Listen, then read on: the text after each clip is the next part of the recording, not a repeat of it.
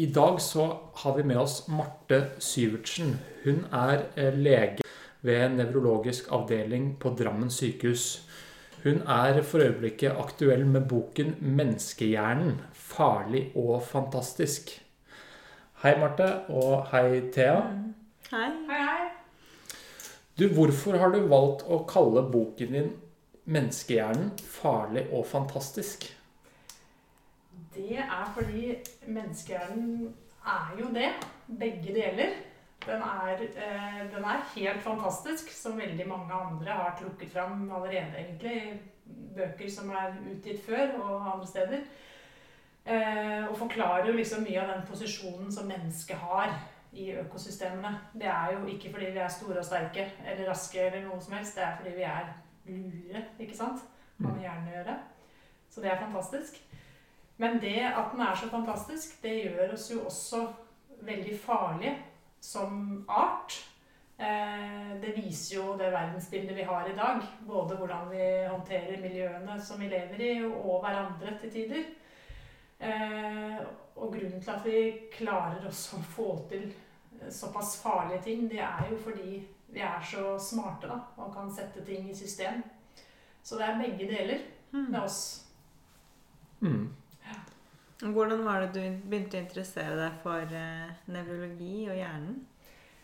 Det var, begynte egentlig med litteraturinteresse, så bøkene kom først. Eh, Jeg har alltid lest veldig mye, og så eh, mens jeg gikk på medisinstudiet i Trondheim, så, så fikk jeg høre at Fjodor Dostojevskij, russisk mursteinsforfatter, han hadde epilepsi. Og har bl.a. beskrevet det veldig detaljert i en roman som heter 'Idioten'. Eh, og dagen etter jeg fant ut det, så hadde jeg praksis på sykehuset sammen med en veldig engasjerende professor som heter eh, Eilert Bråttkorp. Eh, og da var det epilepsi det, det er det jeg må fordype meg i. Det er det jeg vil jobbe med. Og så Mm. eh, gikk det videre derfra. Og da tok du en doktorgrad i epilepsi. Ja. Det var jo en del år seinere, da. Men så, ja, når studiet var ferdig, så var det jo turnustjeneste og begynne på spesialisering. Og så mm, var jeg ferdig med doktorgraden min i 2019. Ja, Så den, Gratulerer. Takk for det. Ja. Eh, så ja, den handla om ungdomsepilepsi. Mm. ja. Mm. Og hvorfor har du skrevet den boken her? Det var, jeg kom egentlig litt sånn i kjølvannet av den doktorgraden. Eh, henger jo sammen med at jeg er superglad i å lese og i utgangspunktet var veldig glad i å formidle gjennom tekst. Mm. Eh, men aldri liksom gått løs på et så stort prosjekt som en bok før, da. Mm. Og så i det doktorgradsarbeidet så gjorde jeg eh, mange intervjuer med unge mennesker som eh, lever med epilepsi. da. Og så eh, viste det seg at de, de hadde egentlig noen litt sånn felles personlighetstrekk, eh, de som hadde den diagnosen jeg jobbet med. Selv om de var fra helt, helt ulike bakgrunner og hadde liksom ulike ting med seg i bagasjen sin. Og det var jo utrolig fascinerende, og hang kanskje sammen med at noe av sykdomsprosessen der er knytta til hjernens pannelapper, da. Eh, og dermed så var jo den interessen eh, satt fyr på, for å si det sånn. Jeg begynte å lese veldig mye om det, og så tenkte jeg herligheten, her eh, er jo så mange knagger man kan henge ting på. Både Mm. om seg sjøl og verden for øvrig. så tenkte jeg det hadde vært flott å formidle. Og da snakker du om en type epilepsi mm. som heter Det heter juvenil myoklonus epilepsi. mm. Det er den vanligste formen for epilepsi som starter i tenårene. Og det er jo nettopp da pannelappen modnes ikke sant? og blir ferdig utviklet. Er det da hva, hva tror du er årsaken til at uh, noen utvikler epilepsi? Ja, Det er et uh, godt spørsmål, som det heter. Ja, det er jo ingen som vet sikkert. Nei, det, det, det kommer veldig an på. fordi egentlig alle ting som påvirker kommunikasjonen mellom hjernecellene i, i hjernebarken, kan gi epilepsi. Det er på en måte går nesten an å se på det som et symptom da, på at noe er galt i samhandlingen mellom nevronene. Eh, og det kan jo være kjempemange ulike ting som gjør det. Eh, alt fra arrvev etter et hjerneslag til genfeil, da, som er mer på sånn, blir på molekylnivå. mm. Men denne ungdomsepilepsien her, da, som jeg har studert, den, eh, der er det litt åpne spørsmål foreløpig. Veit ikke helt hvorfor det oppstår. da. Mm. Jeg blir med en gang litt nysgjerrig, fordi sånn Hvis du kort kunne fortalt på en måte Ser du noe likhetstrekk mellom migrene og epilepsi, f.eks.? Ja, det, det skrev jeg hovedoppgave om med, med han professoren som jeg nevnte i stad. Rottgård. Så ja, det er jo ganske mange likhetstrekk der. Det er jo anfallsvis lidelse, begge deler. Det kan komme litt sånn plutselig på. Eh, og så har du jo noen triggerfaktorer som kan være felles. F.eks. stress og endret eh, søvnmønster. Eh, sult og liksom, ja, stressfaktorer på kroppen. Lysflimmer. Flimring av lys, ikke minst. Mm. Eh, rødvin. mm. Men eh, eh, Og så er det jo også sånn at mange som har epilepsi, har også migrene. Eh, og så er det jo faktisk noen epilepsimedisiner som også virker migreneforebyggende, da, av en eller annen grunn. F.eks. lorfril Fordi teorien bak migrene nå er jo at det blir en sånn depolariseringsbølge, ikke sant? Mens med epilepsi så skjer det mer lokalisert depolarisering. Ja, altså epilepsi er på en måte en skur av elektrisk aktivitet. da. En sånn overfyring mellom nevronene. Eh, Og det kan være lokalisert et sted. Og bre seg som en bølge, for så vidt, til eh, nærliggende vev. da. Og da vil jo symptomene du får i anfallet avhenge av hvilket vev som aktiveres, og hva det egentlig hadde i oppgave. Og så kan det spre seg veldig raskt eh, i større nettverk på begge sider, og da får man jo sånne krampeanfall. Mm. Så hva, hva er egentlig forskjellen mellom de to? Nei, det er jo mange forskjeller òg. Og det mest åpenbare er jo selvfølgelig selve symptomet. At migrene er jo en form for smerte, eller det munner jo ut i en hodepine, da. Mens det er jo aurafenomener ved migrene også, som, er, eh, eh, som gjerne går på syn. Det kan gå på andre nevrologiske ting òg, men eh, det vanligste er sånn flimring i synsbeltet. Mm. Og det kan jo minne litt om noe man kan se ved epilepsianfall òg, hvis det kommer fra bakhodelappen, da, der hvor synssentrene sitter. Mens eh, ved epilepsi er det jo gjerne mer sånn plussfenomener. da, At man ser farger og sirkler og sånn. Mens migrene er mer vanlig svart-hvitt eller lysglimt. Mm. Mm. Jeg vet, jeg vet ikke om du har eh, Det er kanskje litt sånn utenfor topicen i dag, da. Eh, men eh, altså Type sentralstimulerende midler eller eh, altså smoothier og masse, sant, masse næring på veldig kort tid eh, er blitt populært i dag, da. Sammen med masse stress og, og for så vidt litt sånn overload kanskje av sensoriske impulser. Ehm, kan det være medvirkende til å typisk eh, fremkalle f.eks. epileptiske tilfeller eller migrener? Ja, det tror jeg nok det kan, egentlig. For dette er jo ting som kan være med på å vippe eh, Det er litt ut av likevekt, da. Eller den homeostasen som man er, som man er så opptatt av. Kroppens likevekt. Eh, så det vil jo være stressfaktor som du, stressfaktorer du laster på der, da, kan du si. Eh, og både ved epilepsi og migrene så er det jo sånn at eh, akkumulert mengde stress kan munne ut i enten hodepine eller epilepsianfall, da, avhengig av hva du er disponert for i bunnen, kanskje. Mm, mm. Så, så lever vi en hverdag som er ganske krevende på mange måter. Da, med mye som skjer, og stor forventning til hva man skal fylle den med. Ja. Jeg må spørre én ting til.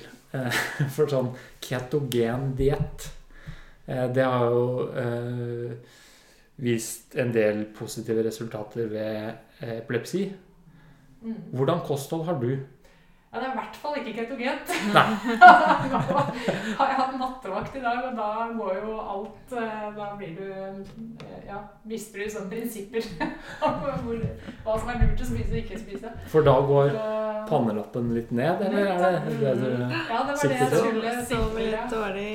Mm. Nemlig. For der sitter jo liksom forduften vår ikke sant? og evnen til å overstyre umiddelbare impulser. Eh, og den fungerer jo rett og slett litt dårligere når man har sovet mindre. Eh, og da, da mister du helt kontrollen på hva som er lurt å spise og ikke, f.eks. Ja. Mm. Da strekker man seg etter den sjokoladen. Nettopp. det blir vanskelig å la den ligge. Men jeg har jo også, det er jo litt inne på i boka òg, eh, så er det jo sånn ok, viljestyrken i pannelappen, da, og den liksom evnen til å motstå den umiddelbare fristelsen til fordel for et høyere mål, det er nå én ting. Men hvis målet er å ikke spise den sjokoladen, så er det det lureste å ikke ha sjokolade i det hele tatt. Mm. Så hvis du gjør det litt vanskeligere for deg sjøl, sånn at du må faktisk gjøre en innsats for å, for å få gjort den dårlige vanen, mm. da er det mye lettere mm. å ikke gjøre det. For det snakket du om i boka også som en god strategi i forhold til rusmisbruk og sånne ting. ikke sant? At hvis man har noe ut av, eller utenfor synet sitt, eller Det var kanskje mobiltelefon var det du snakket om? Ja, stemmer at du legger inn et annet rom, eller sånne ting, så vil det være mer krevende å på en måte Du må jobbe At hjernen er lat, så ja. du må jobbe for å få tak i det. Ja, og det er jo noen paralleller mellom mobilbruk og rusmidler òg. Altså, det er jo en vanedannende faktor i høy grad. Eh, og, og så, ja, så har vi den der iboende latskapen og energisparingstendensen i oss. Sånn at eh, vi vil helst bruke minst mulig energi. Og jo vanskeligere det blir å få gjort det, jo mindre sjanse er det for at du eh, for at du gjør det, da. Jeg ville ikke kjørt ned til jobben og henta mobilen bare for å sjekke om jeg hadde fått en ny like, på en måte. Mm, mm. mm. Mens, eh, men hvis driven er så sterk som den er ved, etablert rusmisbruk, så er vi over en annen kategori som er mye større og vanskeligere, da. Mm. Ja. Hvis vi eh, spoler litt sånn tilbake, og så eh, kunne jeg spurt deg hva er det som er det unike med mennesket? For det snakker du en del om i boken. Eh, hva er det som skiller oss fra andre dyr, eller Ja. ja. ja jeg tenkte, eh, Det er kanskje et litt sånn ambisiøst spørsmål å ta på seg, men jeg tror det fins et svar på det. Ja. Jeg, jeg mener det eh, i, i den boka. fordi det er veldig mye ved hjernen vår som er fantastisk. Ja, og hjernen forklarer eh, den posisjonen som vi har på jordkloden nå. Men, men, det er jo ikke alt ved hjernen som er like unikt. Altså funksjoner som å kunne styre bevegelse, eh, ha følelser, eh, sult og tørst og sanser og veldig mye av det som hjernen driver med, er jo absolutt ikke unikt for oss. Heller ikke det at vi kan lære ting. Det kan jo andre dyr av. Men, eh, men eh, pannelappsfunksjonene våre, eller nærmere bestemt prefrontal cortex, som sitter aller fremst i pannelappen, rett bak øynene, på en måte, den er spesielt stor hos oss mennesker. Eh, og ikke bare det, men den er også spesielt mange forbindelser til resten av hjernen. da. Hvis du sammenligner med de som kanskje ligger nærmest oss, sånn som orangutanger og sjimpanser, mm. så er det eh, flere forbindelser i menneskehjernen til resten av hjernen. Eh, fra prefrontal cortex, da. Så, så, der må noe av forskjellen ligge. Og da er jo neste spørsmålet hva driver prefrontal cortex med? Og det er jo dette her med eksekutive funksjoner, da, som er hovedoverskrifta der. Men, Som eh, innebærer Ja, det er, eh, er sånn, det er en samlebetegnelse som jeg, jeg syns det, eh, det, er veldig greit å tenke på det som en evne til å tilpasse seg her og nå for å oppnå et eller annet i fremtiden. da. og så er det liksom underkategorier der med arbeids, arbeidsminne, evne til planlegging, ta beslutninger, motstå impulser osv. Mm. Alt dette her tenker jeg kulminerer i en sånn evne til å løsrive seg fra øyeblikket og tenke inn i framtida. Og det tror jeg at vi er spesielt gode på, ja, vi mennesker. Hva med å filosofere ja. og kommunisere? Det er to sider av samme sak. Det er det òg, egentlig. Fordi for å ta kommunisere først, da. Det veldig avanserte språket vårt. Det er det jo heller ingen andre som kan måle seg med. Og det henger sammen med disse eksekutive funksjonene. At vi liksom kan tilpasse det vi skal si. Være dynamisk overfor en samtalepartner. Ha så mange kombinasjonsmuligheter eh, med de orda som vi har. Det kommer fra et område som heter Brokas område, som ligger veldig tett opp til prefrontal cortex. da. Mm. Og så Filosoferinga er jo det samme, ikke sant? med å liksom tenke ut av øyeblikket og tenke litt større og stille de store spørsmåla. Mm. Ja. Men hvordan tror du Altså Tror du mennesket på en måte er født med den store prefrontale cortexen fra Altså har det vært et Hva er det som har gjort at den utvikler seg i første omgang? Er det språket som har begynt å utvikle det, eller, eller sosiale forhold, eller har du noe teori rundt det? Ja, det har jeg. Eh, For det er jo ikke sånn at vi er født med så høyt fungerende prefrontal cortex. Ikke i det hele tatt. Eh, Jeg vet ikke om dere kjenner til en eh, nederlandsk forfatter som heter Rutger Bregman, som har skrevet en bok som heter 'Humankind'. Han sier det at eh, ja, det, det, alle sier at mennesker er så smarte, men en, en, en, en menneskelig toåring taper jo konkurransen mot en sjimpanse hvis vi gjør sånn og sånn. Og så tenker jeg ja, men en menneskelig toåring er bare to år. Prøv med en voksen. ikke sant? Det skjer en enorm utvikling fra vi er små til vi er voksne. Særlig med prefrontal cortex. Så en eh, ett og et halvt åring vil jo vanligvis ikke kjenne igjen seg sjøl i et speil, f.eks. Det er jo en sånn test på om man har innsikt i eller litt sånn høye ting, da. Eh, mens det kommer jo etter fylte to år, så ser vi jo at Å ja, det er jo meg jeg ser. Mm. eh, og den utviklingsprosessen der når det gjelder pannelappen, den er jo ikke helt i mål før vi er sånn 20 år pluss. da. Og det gjør jo at veldig veldig mye i miljøet rundt oss potensielt kan påvirke den utviklinga. Eh, og der kommer liksom sosiale relasjoner veldig inn. Eh, og det er jo mye forskning på det også, som viser at eh, hvis man har et utrygt oppvekstmiljø eller eh, mangler liksom den grunnleggende tryggheten, så, så blir ikke disse funksjonene like gode, godt fungerende heller når du er voksen. da. Men tror du at det var den sosiale delen av oss som utvikla oss fra lavere stående arter da, til mennesket, eller var det det at vi samarbeida og jakta mer sånn fysiske ting? Jeg tror det er eh, begge deler. Eh, Jeg tror at eh, den delen av hjernen har nok utvikla seg sånn evolusjonsmessig, da, fordi det har gitt oss noen fordeler. Og jeg tror en av de store fordelene er jo den samarbeidsevnen. Fordi liksom sosiale relasjoner og sosial fungering, det henger jo sammen med den delen av hjernen. Eh, og det har antagelig vært en kjempestor fordel for oss. Mm. At vi har jobba i flokk. For aleine så har vi jo ikke så mye å stille opp med, egentlig.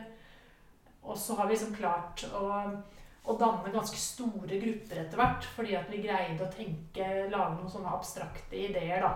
Som Mm. han Harari trekker fram i den Ja. boka om Sapiens, blant annet. Ja. Som er veldig mye lest Mm. Den teorien der om at vi, vi klarte å ja, lage noen sånne abstrakte, samlende ideer som gjorde at vi kunne bli liksom store og mektige grupper. Mm. Og det er jo igjen prefrontal cortex, da. Sine Mm. evne til liksom liksom For det er da eh, Det er vel Harari også som snakker om dette, at det er som Altså religion, eksempel, er noe som sant, lager historier som folk tror på, abstrakte ting som, som, eh, som gjør at folk utfører handlinger eller begynner å tenke på en, sam, en og samme måte. Ja. Og du kan få mennesker til å begynne å gjøre ting som de aldri hadde gjort uten den ideen eller den historien. da. mm.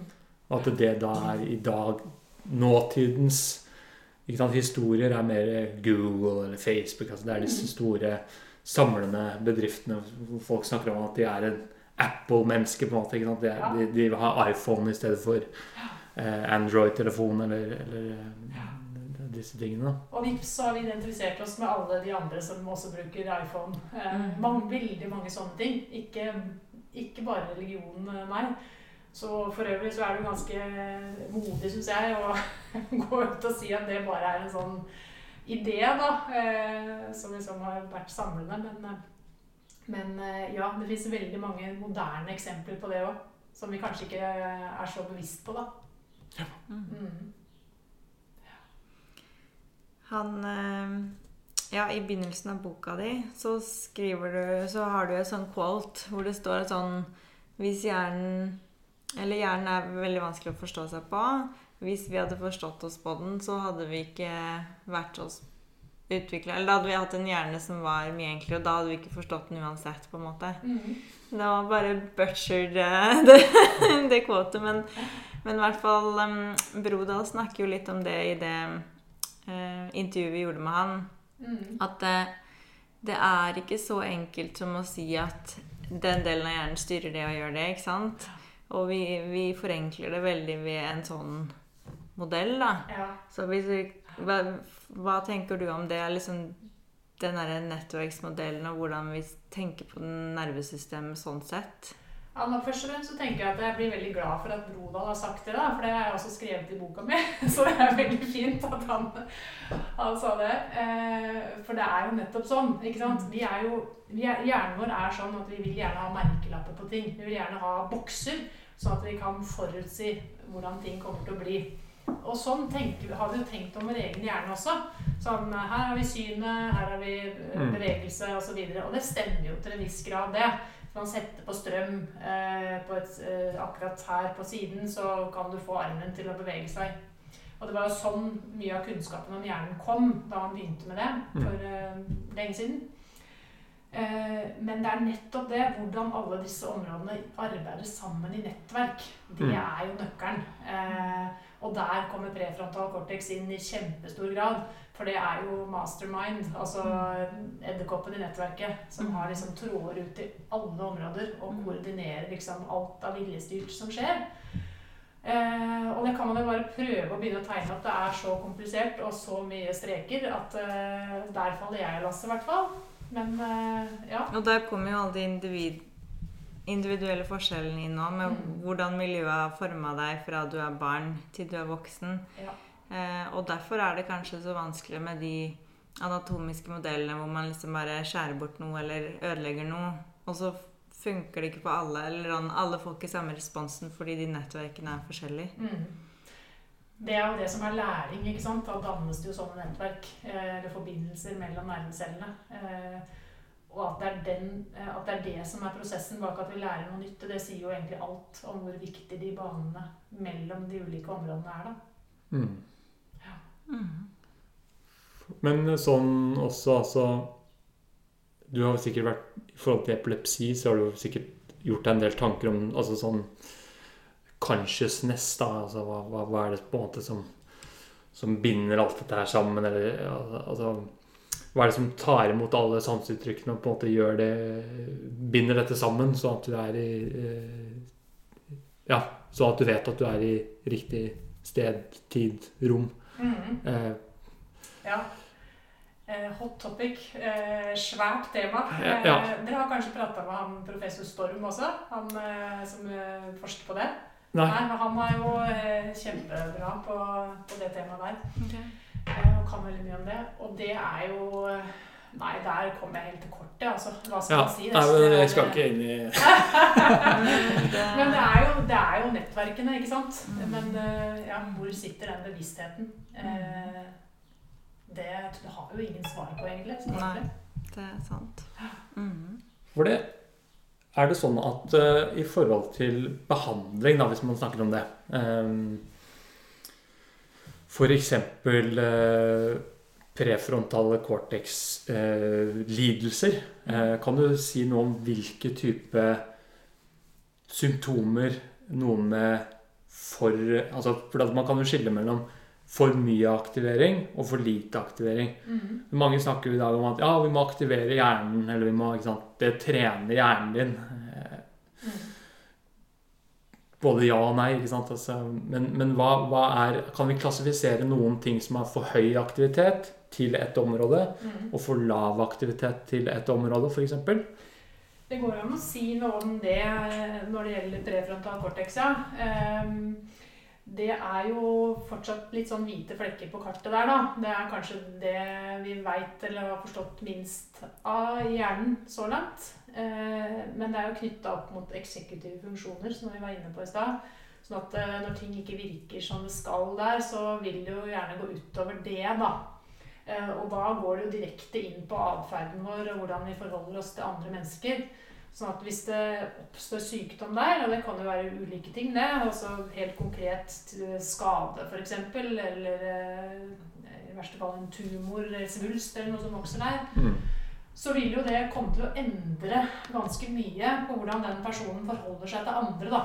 Eh, og da vil det ofte begynne med at man eh, gjør påfallende ting, sier noe rart, virker frekk. Altså, og det kan være ganske vanskelig i hverdagen. Og det kan ta litt tid òg før man skjønner at det faktisk er sykdom da, som gjør det. Eh, Mm. ja. Så liksom oppførselen overfor andre. Uh, og så fins det jo sånne ting som er mer, kan være mer medfødt, og som vi foreløpig har til gode å forstå helt. Men uh, typ ADHD f.eks. og bipolare lidelser og depresjon og Mm. eh, ja, en del ting der som kanskje også er knytta opp mot disse mer avanserte nettverkene. da. Følelsesregulering f.eks. Mm. holder jo prefrontal cortex på med. Ja. Mm. Hvis amygdala fyrer på angstalarmen og setter i gang, så skjer det ganske automatisk pga. en eller annen trigger, men Mm. der kan prefrontal cortex gå inn og regulere og liksom Mm. Nærmest gå inn og si Men dette er jo bare en film. Eller altså, Mm. ikke sant. Den fornuften, da. Mm. Det er prefrontal cortex. Så hvilke tegn i det prefrontale cortex var det du så på de ungdommene med epilepsi? Hvilke Mhm. fellesnevnere så du hos dem? Det vi så i det doktorgradsmaterialet, det var f.eks. at det var mye høyere forekomst av rusmiddelbruk i Mhm. den gruppa. Eh, og at de sannsynligvis har en tilbøyelighet til å være noe mer impulsiv da, enn en gjennomsnittet. Eh, og mange av dem hadde jo også vært utreda for ADHD og hadde liksom en lignende eh, problematikk da, Mm. eh, som det. Så da er vi litt inne på dette med svikt i eksekutive funksjoner. Mm. Mm. Mm. Det å tenke litt sånn konsekvenser langt fram i tid, og så Mm. klare å liksom motstå en sånn umiddelbar impuls, da. Ja. Mm. Ja. Vi, vi ser jo også Det har vi jo gjort en del studier på også. Vi ser en del hjernerystelsespasienter. Da. Og der eh, er jo denne dorsolaterale prefrontale cortexen ganske involvert. Vi har i hvert fall sett det at den Pasienter med det som kalles for postkomotio-syndrom. Mm. de er ofte vanskelig med å aktivere dorsolaterale prefrontale cortex mm. ved funksjonelle MRI-studier. da. Mm. Og da får de ofte litt eh, sant, eh, Kanskje litt depresjon. eller de, vanskelig med å initiere bevegelse. Det, de blir mørkt, da. Mm. Um, Det er jo kjempeinteressant, egentlig. Eh, ja, det var mitt favorittområde i hjernen, tror jeg. ja. jeg klarer ikke å la være å tenke på områder. Ja, ja, ja. Eh, evolusjonsmessig så er jo det den nyeste delen av hjernen. Den dorsolaterale prefrontalkorteksen. Forferdelig innvikla navn. Vi høres jo veldig smarte ut når vi sier det. Men det sier jo om hvor i hjernen det ligger. da, ikke sant? Mm. Det ligger lateralt på sida her. Eh, ja, rundt Ja. tinningen sin. Den er i hvert fall ikke kalt opp etter en fyr. da, Nei? Alt takk og lov for det. det må vi bare kutte ut. Men, så det, ja, det sier noe om hvor i hjernen vi er, rett og slett. Eh, og den er jo, det er den som er liksom fornuften. Eh, og plan, planleggingsevne og arbeidsminne eh, sier man jo at gjerne er knytta opp mot den, da. Eh, så hvis den ikke fungerer sånn som den skal, eh, så, ja, så kan man bli litt initiativløs. Så kan det kanskje bli vanskelig å sette i gang med ting. Og nå har ikke jeg lest meg opp som kjempemasse på post-commotio-syndrom, men jeg kjenner noen sykehistorier, da. Eh, Blant annet Hilde Østby sin, som beskriver i den boka om kreativitet. Hvordan hun liksom eh, eh, slo hodet i en sykkelulykke og, og forklarer liksom hvordan det ble nesten umulig å filtrere inntrykk etterpå. Det var liksom som alt bare uff, hun tok inn alt. Og det tenker jeg det må jo ha noe med den prefrontale korteksen å gjøre, som gjør nettopp det. da, Oppmerksomhet Mm. er jo en viktig eksekutiv funksjon. Og ikke bare det å holde oppmerksomheten aktivt, men også det å ekskludere ting som vi egentlig ikke har bruk for. Så tenkte jeg da, når jeg leste det, at kanskje den funksjonen ble satt litt ut av spill, rett og slett. Mm. Eh, da hun slo hodet sitt. Mm. Mens eh, det kanskje ikke nødvendigvis er noe man ser på vanlige MR-bilder. Mm. Nei, også Spørsmålet er jo om eh, Fordi de områdene som man ofte ser er affisert etter hjernerystelse, er jo lavere strukturer. Men hvis de bruker så mye energi um, på å bare fungere på et primitivt nivå, mm. da vil jo det bare bli en sånn uh, bivirkning at altså, frontallappen fungerer dårlig. Ja. Ikke sant? Eller er spørsmålet da om ja, om det er den som er eh, primært skadd, men det virker ikke sånn. Nei, eh, det er litt interessant det òg. Fordi at Mm. prefrontal cortex er jo det mest energikrevende området i hjernen også. Det er liksom det som både er mest sårbart og mest energikrevende. Derfor så er det jo gjerne der eh, aldringsprosess og demensutvikling og sånn også Mm. påvirker de nettverkene der, da. Mm. Og også mange med postkomotio, eller det er jo andre type lidelser også, da, men eh, har jo ofte problemer med å regulere følelsene sine, eller regulere disse autonome autonome mm, aktivitetene. Mm. Eh, og der er vel også prefrontal cortex veldig involvert. Ja. Eh, så man kan jo egentlig legge veldig mange lidelser inn mot det området, da. ja. Eh, men uten å ikke sant?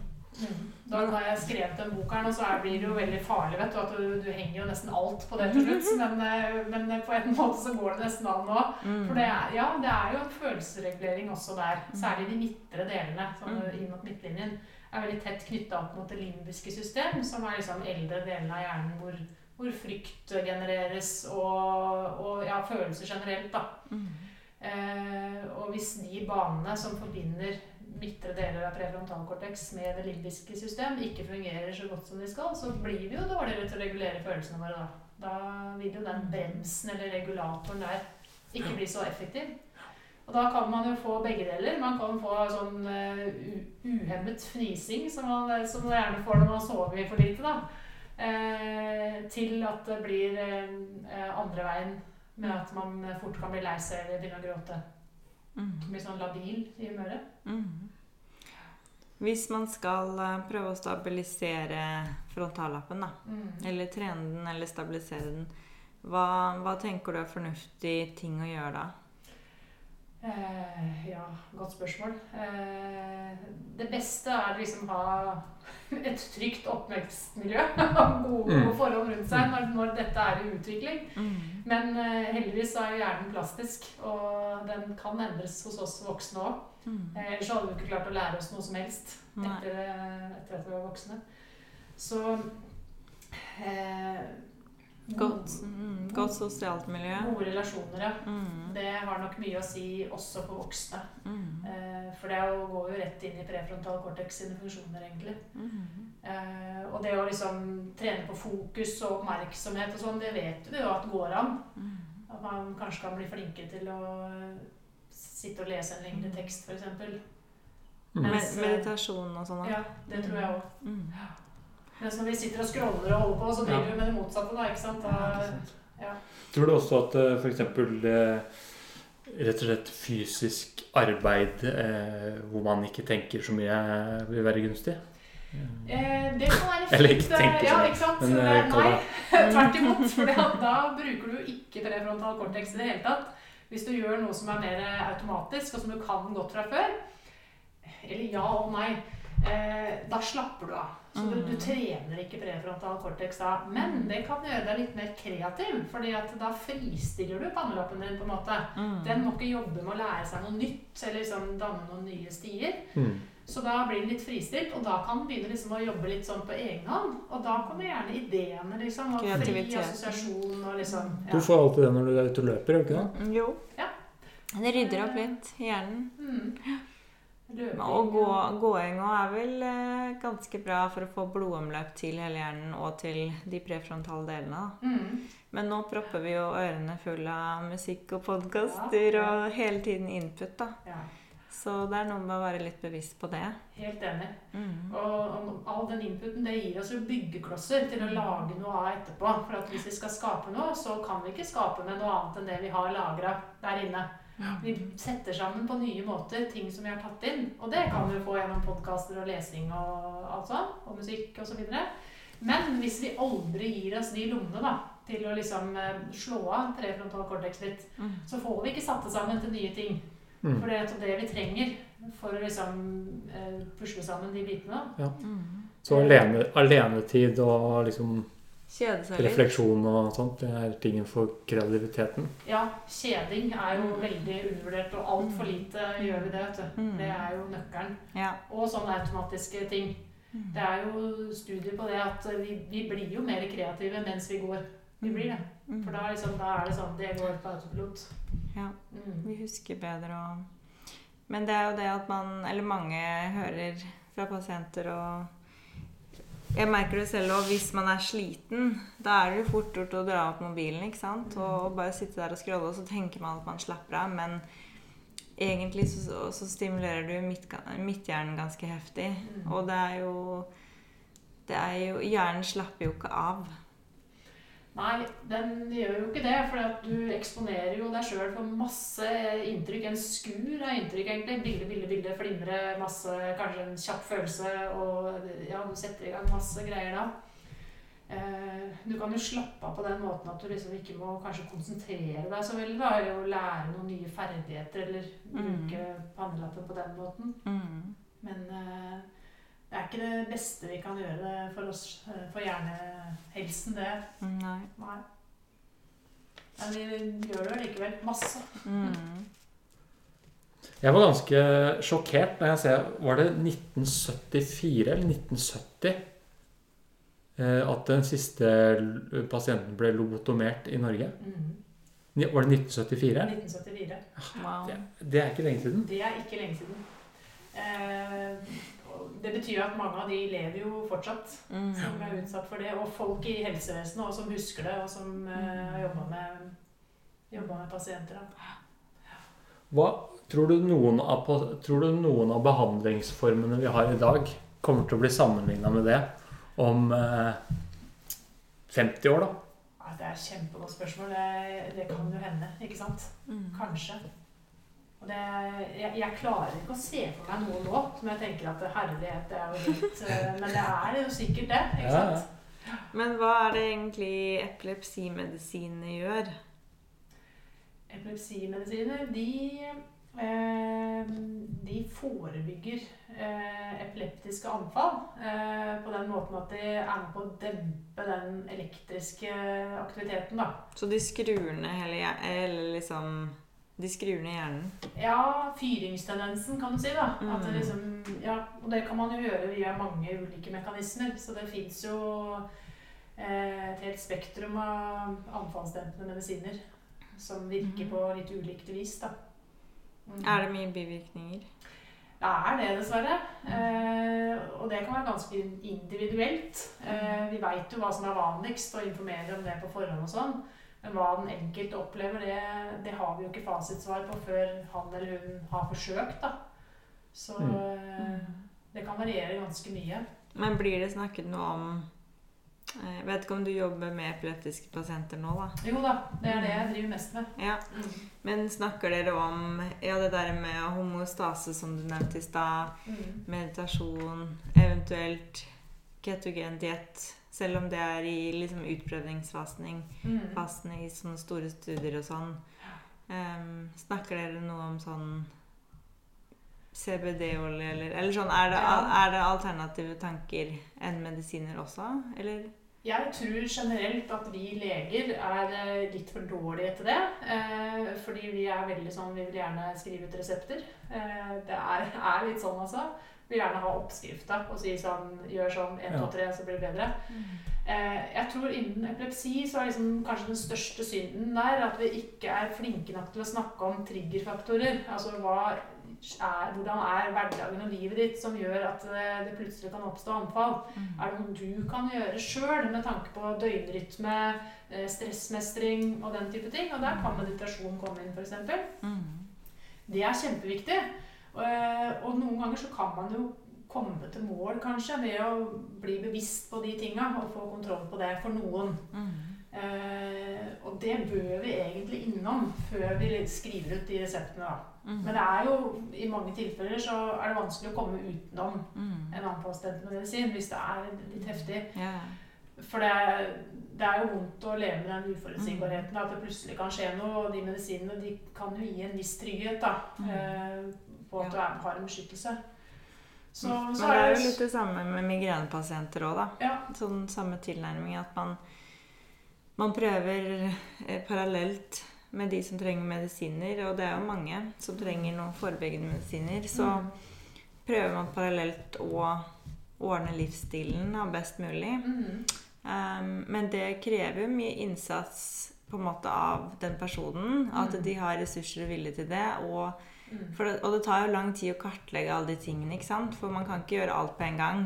Um, for det er jo vanskelig å få til liksom å legge om rytmen, legge om kosthold, eh, kvitte deg med noen dårlige relasjoner. Eller sånn, Du kan ikke gjøre alt på en gang. Mm.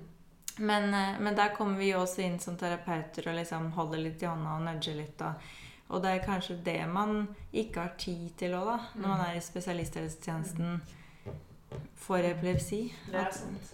Man har ikke tid til å liksom holde i hånda, støtte, guide, gi råd eller sånn, og ha den og tette oppfølgingen. Mm. Men det er i hvert fall mitt inntrykk. Mm. Helt enig. Den uh, halvtimen på poliklinikken går veldig Mm. fort. Mm. Den gjør det. Mm. Så um, Og det er jo ikke legene sin feil, holdt jeg på å si. Nei da, det kan du si. Altså, eh, det er jo noe med hvordan vi har organisert hele opplegget, da, og hvem som er inne og sånn. Vi, vi prøver å fase inn eh, epilepsisykepleier i litt større grad hos oss nå, da. Eh, med tanke på samtale og trygging og tettere kontakt. Mer sånn flytende og løpende kontakt. At det kan ha noe å si. Mm. Mm. Så, men det med ketogen diett som du nevnte, det er jo det er jo gjerne forbeholdt de som er veldig hardt ramma. For det er også tøft å gjennomføre. Og Mm. kan være sosialt vanskelig. Og, Mm. ja, men det har effekt for mange. Mm. Mm. Sånn, ja. Mm. ja. Nei. Nei, jeg tenkte eh, litt interessert i også sånn hva du tenker om eh, disse antidepressiva, sånn SSRI-er eller eh, serotoninreopptakinhibering. Mm. Du er litt innom det i boka også, Mm. at det er den mediale prefrontale cortexen Mm. Eh, er eh, Produserer den serotonin? Å, det var et vanskelig spørsmål. Det veit jeg faktisk ikke hvor serotoninet kommer fra, på en måte, og, og hvor det lages, altså. Ja. Eh, men eh, der arresterte du meg. Nei, nei, men det var sånn jeg lurte på egentlig, hvor er det det egentlig kommer fra, Ja, serotoninen? Det må vi google etterpå. Er ikke det mye av det i magen, da? Det kan godt Kanskje. hende. Altså, der er vi Jeg inne på et tror, annet eh. Jeg tror nesten 70% lages i mage-tarmsystemet. Ja. Mm. Men det er i en veldig viktig nevrotransmitter i prefrontal cortex, og Mm. kanskje særlig medialt. Eh, og så vet vi at eh, den spiller en rolle i humørregulering, absolutt. Mm, mm. Fordi det virker å Ja. gjøre sånn at vi får mer serotonin tilgjengelig. Da. Mm. Hva tror du om denne, altså er, er, Tror du at det er for lite serotonin i systemet? Eller er det Og, og det er på en måte kuren? Mm, Ikke sant, du får- ja. Nei, jeg tror kanskje ikke det er så enkelt som det. Det er nok neppe liksom Jeg tror ikke det er én mekanisme heller. Eh, Nei. Det er ganske sånn sammensatt, dette Ja. her. Men eh, det fins jo liksom eksempler på det motsatte òg. Hva som skjer hvis det blir for mye i omløp, da. Eh, annet en genfeil som gjør at man eh, ikke bryter ned serotonin og monoaminer eh, godt nok. Sånn at det blir liksom overload med dopamin blant annet, og serotonin. Mm. Og de personene som har det, er jo utsatte for å bli voldsforbrytere. Da, og, Mm. og antisosiale og kriminelle. Mm. Hvis de har hatt en vanskelig oppvekst. Så det er mange faktorer i potten der, men eh, det syns jeg er litt interessant. Ja, veldig interessant. Ja. Så de er går ikke bare rundt i eufori? Nei, tvert imot. De blir Mm. mer, eller kanskje aggressive, da. Eller lettere at det liksom handler på impulsen. Overtenning. Ja, ikke sant? Uten tanke for andre, Mm. kanskje. Mm. Mm. Så det, og det er jo litt sånn interessant jeg tror mange, også i forhold til da kosthold. ikke sant, At det, man, man er opptatt av det, at disse tingene produserer disse og disse nevrotransmittorene i hjernen. Og spise dette og dette. Vi må ha mer. Vi må ha mer av det. Mm. Det er ikke nødvendigvis at det er Det kan være for mye òg, ikke sant? Absolutt. Du, du, Juice på juice på juice på juice. Ja. Smoothie på smoothie. ikke sant? Altså det, og bare spirulinaer og alt mulig. Ikke sant? Pøse på med, med kosttilskudd og, og sånne ting. Det vil jo gjøre noe med aktiviteten i hjernen. Og det er ikke alltid at det er til det positive. Nei, den gylne middelvei gjelder jo liksom over hele linja, også når det gjelder hjernen. Og, og veldig mye sånn eh, En god del tilskudd som vi Hvis vi tar for mye, så vil vi jo ikke kunne nyttiggjøre oss av det, for det blir jo rett og slett bare skilt ut igjen, ikke sant? Fordi det, det ikke trengs, da. Så likevekt er jo liksom stikkordet. Og så er det jo ofte sånn at når man ja, prøver å fikse på én ting, så får du en følgefeil av noe annet. da. Ja. Sånn, den er for komplisert og sammensatt til at du kan bare um, putte i deg masse GABA eller um, Mm. mm. Ja. Jeg er i hvert fall veldig konservativ med å anbefale kosttilskudd og sånne ting. Ja. Mm. ja, man skal vite litt hva man gjør. Og det er, det er klart eh, ting som selges i helsekost har jo også sine effekter. Og det er sånn klassiske eksempler fra epilepsiomsorgen er jo at noe derfra kan interagere med epilepsimedisiner. Sånn at du Mm. plutselig får en annen effekt av den medisinen som du tok mot epilepsi. Fordi du har tatt uh, Johannesurt er jo klassiske Mm. eksempelet da, ved siden av. Mm. Som forandrer på omsetning i leveren da, av Ok. epilepsimedisin. Og plutselig så er det, Ja. er det ikke så eh, harmløst, på en måte, som det Nei. kan virke som. Da. Mm. Mm. Nei, de har jo kraftfulle effekter, da. Ja. I visse doser og til visse mennesker igjen, så Nei, det er litt tricky. Mm. Men Eh. hva vet du egentlig om avhengighet og sånn? Du skrev litt om det også i boka. Mm. Hva, hva, hvilke mekanismer kommer inn der, og, og hva er liksom de beste rådene du har for avhengighet, da? Fra et nevrologisk perspektiv. Um, jeg har jo sammenligna avhengighet litt med en læringsprosess som slår litt feil. Hvor man liksom lærer at det er en sammenheng mellom det som utløser avhengigheten, og en veldig god følelse. En god følelse. Uh, og den gode følelsen den kommer gjerne fra en kjerne som heter nucleus accumbens, uh, som ligger litt sånn dypt i hjernen. Eh, og når dopamin nevrotransmitteren dopamin bindes til nucleus accumbens, så får vi liksom eh, stående applaus. Altså det er den eh, Det er sånn eh, Nå klarte jeg det-følelse. Ja. Eh, og Det er den vi er ute etter. det er den vi er ute etter hele tida. Eh, og det motiverer oss jo sant, til å gjøre mer av det som utløser den følelsen. Og det har jo typisk vært ting som har vært eh, nyttig for oss. Bra. Eh, oppnå noe etter hardt arbeid. da, Og relasjoner i stor grad. Henger sammen med den også. Men nå har vi jo funnet måter å trigge den følelsen på som eh, egentlig også er destruktive. F.eks. med kjemisk stimulering i form av rusmidler. Men også liksom eh, Man kan jo bli avhengig av, av sosiale medier eller eh, trening. Overdreven trening er jo heller ikke bra hvis det liksom overtar alt annet. da. Så, eh, så da blir det lagd noen spor mellom den veldig sterke godfølelsen og et eller annet som trigger den. da, Sånn at vi søker mer av den triggeren. Det er liksom noe av forklaringen bak hva som skjer da. Mhm. Og ja, ikke sant, å komme seg ut av det, det er jo eh, sikkert en egen podkastepisode. Ja. Men hvor stor del tror du de sosiale faktorene har igjen, da? Ja, jeg tror det har noe å si. Eh, fordi vi er jo Altså, relasjoner betyr enormt mye for oss. Eh, og veldig mye av det vi gjør, kan settes i den konteksten. Og noen ganger er jo avhengighet knytta opp mot en eller annen sosial setting. Eh, og da kan det vel bli ekstra sterkt. Eh, sånn at du kanskje må løsrive deg fra et helt eh, miljø for å komme deg ut av ting. da. Mm. Mens i andre sammenhenger kan det være litt motsatt òg. At eh, det som utløser avhengigheten, eh, utkonkurrerer sosiale relasjoner. Fordi det blir så viktig og så bra Mm. og så sterk belønningsfølelse at eh, da er det verdt å treffe folk. Fordi det blir uansett ikke like bra som det jeg kan få Mm. av det jeg er avhengig av. da.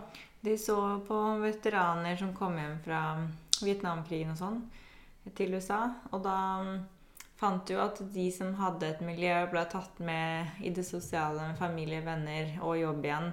Eh, de hadde jo mye mindre avhengighet av eh, opioider Mm. enn de som på en måte ikke hadde noe å gå til. da. Mm.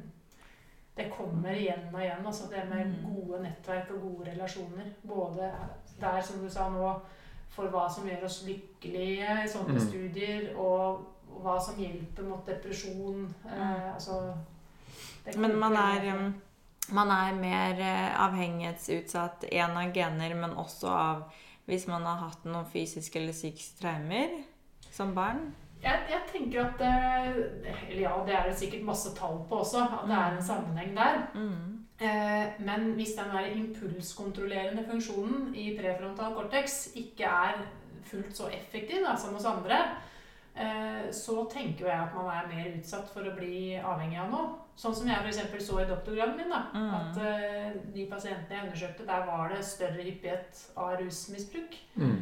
Uh, og i den sammenhengen så hang nok det kanskje sammen med sykdomsprosessen. Men vi veit jo også at vanskelige oppvekstvilkår påvirker de eksekutive funksjonene. Mm. Så det er en loop her. Mm.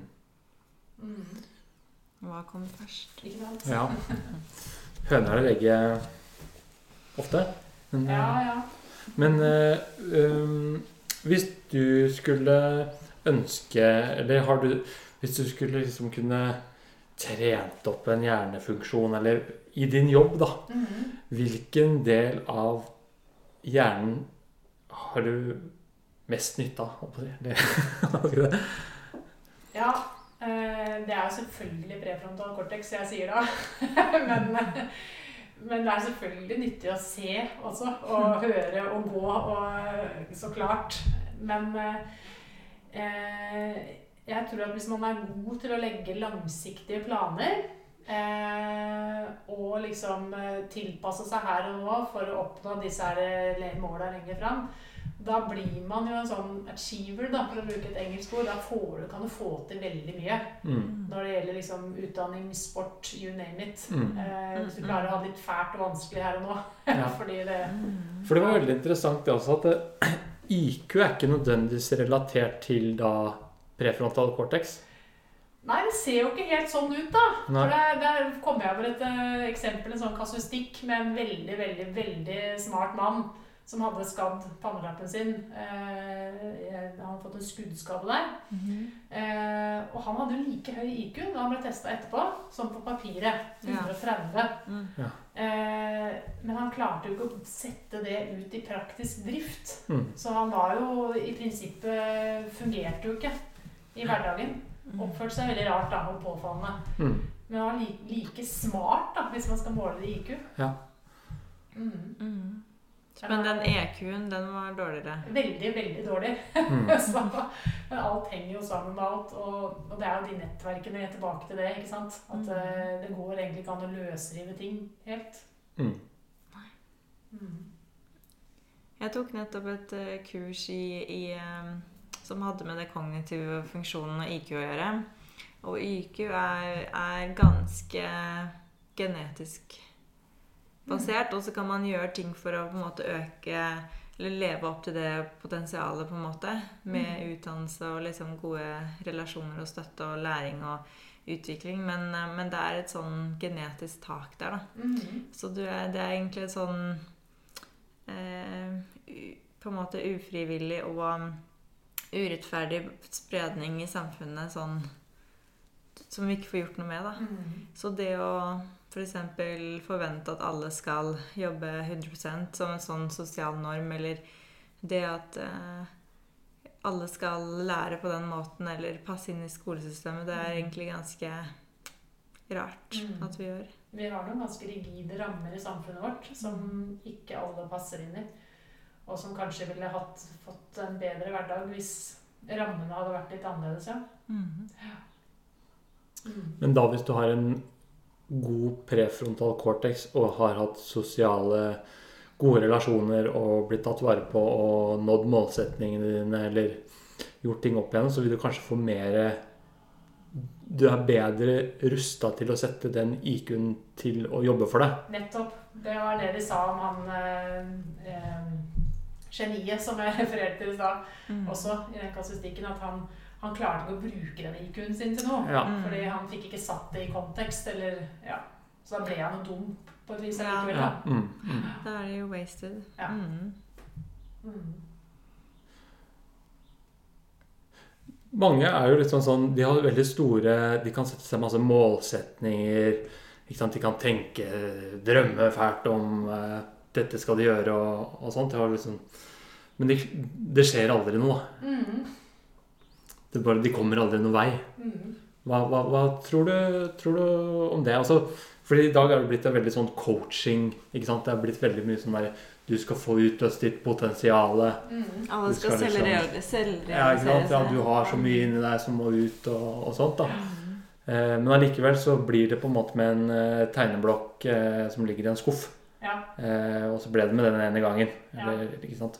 Det skjer aldri noe nytt uansett. Mm. Hva tror du er på en måte Hvordan kan folk bryte de barrierene? Mm. Eh, Ja, tror du det er, er, er er, litt sånn behavioral psychology, da. Ja. Ja, oi, oi. Men så fra, fra, fra liksom et eh, nevrologisk eh, eh, Mer biologisk perspektiv. Ja. Um, har du noen Ja. tanker? Da er vi jo på toppen av pyramiden, ikke sant? At uh, da har vi alt vi trenger under der.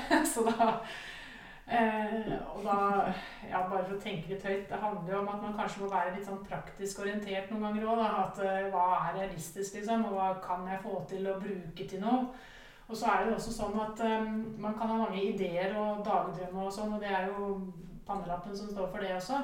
Men for å få satt ting eh, fra det drømmestadiet og ut i praksis, så da er vi jo over på arbeid igjen. At Mm. eh, det krever jo en innsats, at man må gjøre en jobb. Skal du skrive en bok, så er jo det også en jobb, Mm. egentlig. Mm. Eh, som er slitsom til tider, selv om det er gøy. Så, eh, så du, du må jo gjøre, komme så langt, da. At du Det er ikke bare morsomt, på en måte, hvis du skal få et produkt ut av det. Så da handler det kanskje om det der igjen, da, at man må liksom eh, orke å ha det litt slitsomt her og nå, sånn at du kan komme til det framtidige skinnende målet ditt. da. Mm, mm. Man må jo ville det sterkt nok også. Mm. Der kommer motivasjonen inn. Mm. At, eh, det, og den driver oss jo veldig. Kanskje det ligger en svær pott med dopamin der ikke sant, når boka kommer Mm. ut. Har vi noen sånne type ting som vi bare vet at eh, hvis vi f.eks. skal aktivere dorsolateral eh, prefrontal cortex, da, Mm. eh, har vi noen ting som vi vet at eh, den er, det er gunstig på kort sikt? Sånn Ja, det måtte kanskje Gurke meg, eller- ja. Ja, det hadde vært fantastisk hvis det kunne hatt litt krydder. Eh, nei, eh, arbeidsminne er jo en greie som er knytta til det. da, så, Og det er jo noe det går an å trene på. altså Prøve å holde på informasjon lenge nok til at du får satt det ut i drift. mm, Handle uten handleliste, f.eks. Det er jo Mm. risikosport, men da bruker du arbeidsminnet ditt. Ja. Så, eh, og det tenker jeg jo er trenbart. På samme måte som veldig mange andre hjernefunksjoner er det. mm. Jeg slår et slag på meditasjon igjen. Ja, Ja. Selv om jeg er dårlig på å gjøre det sjøl. ja det ble med tanken. Så er det Nei, men det er Jeg gjør det innimellom, men, eh, men det er eh, gull verdt i sånne studier, da. For Mm. å vekke de frontale delene. Mm. Mm. Så, for det, er- du må jo både ha liksom, motivasjon, Mm. og så må du ha struktur. Mm. Og ha den selvdisiplinen, da. Mm. Skal du få gjort alle de delene mot målet. Så det er jo mange deler egentlig av Og så må du ha det fokuset når du gjør oppgaven, da. Mm. Så det er jo mange, mange frontale deler som skal inn. Mange eksekutive funksjoner som Mm. jobber sammen. Mm. Ja. ja.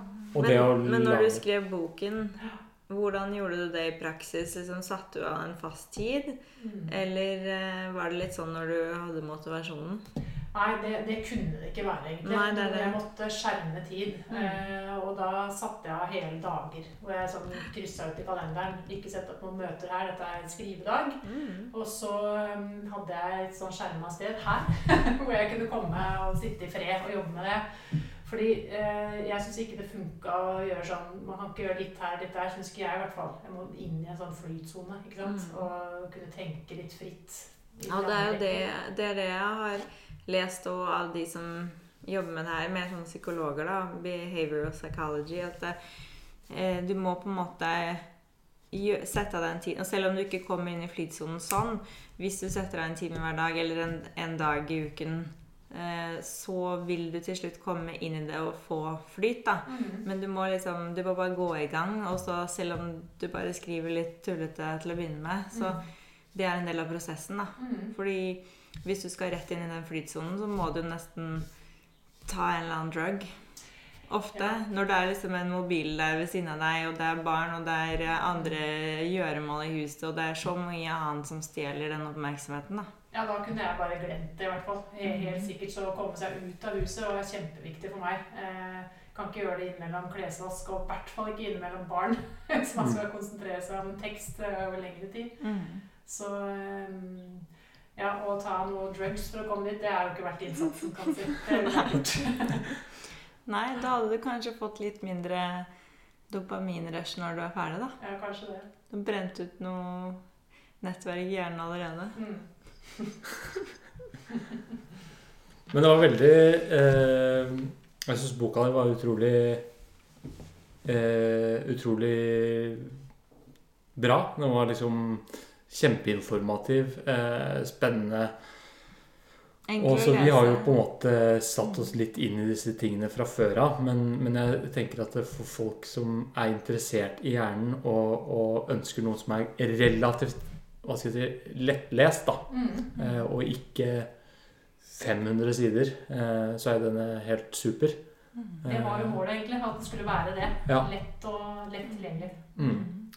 Og masse sånne aha-opplevelser og, og Ja, jeg syns det var kjempe, kjempebra. Hvem er egentlig målgruppen eh, din med den boken? Det er interesserte voksne, egentlig. Mm. uten egentlig noe helsefaglig bakgrunn Ja. eller forkunnskaper.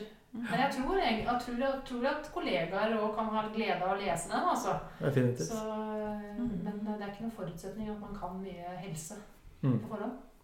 Er du på noen plattformer eh, hvor folk kan nå deg, eller se deg eller følge deg, eller, eh, eller er du en privat doktorgradlege? Nei, nei, jeg har eh, en Facebook-konto og en Instagram-konto. da, Ok. og Det er jo sånn halvåpne, i hvert fall Instagram-kontoen er det. Jeg vet ikke hva spennende det er, altså. Men, eh, og så har jeg en sånn forfatterside på menneskehjernen, hvor jeg tenk, tenker liksom drypper litt fra boka og sier fra om det er noen arrangementer og sånn. Mhm.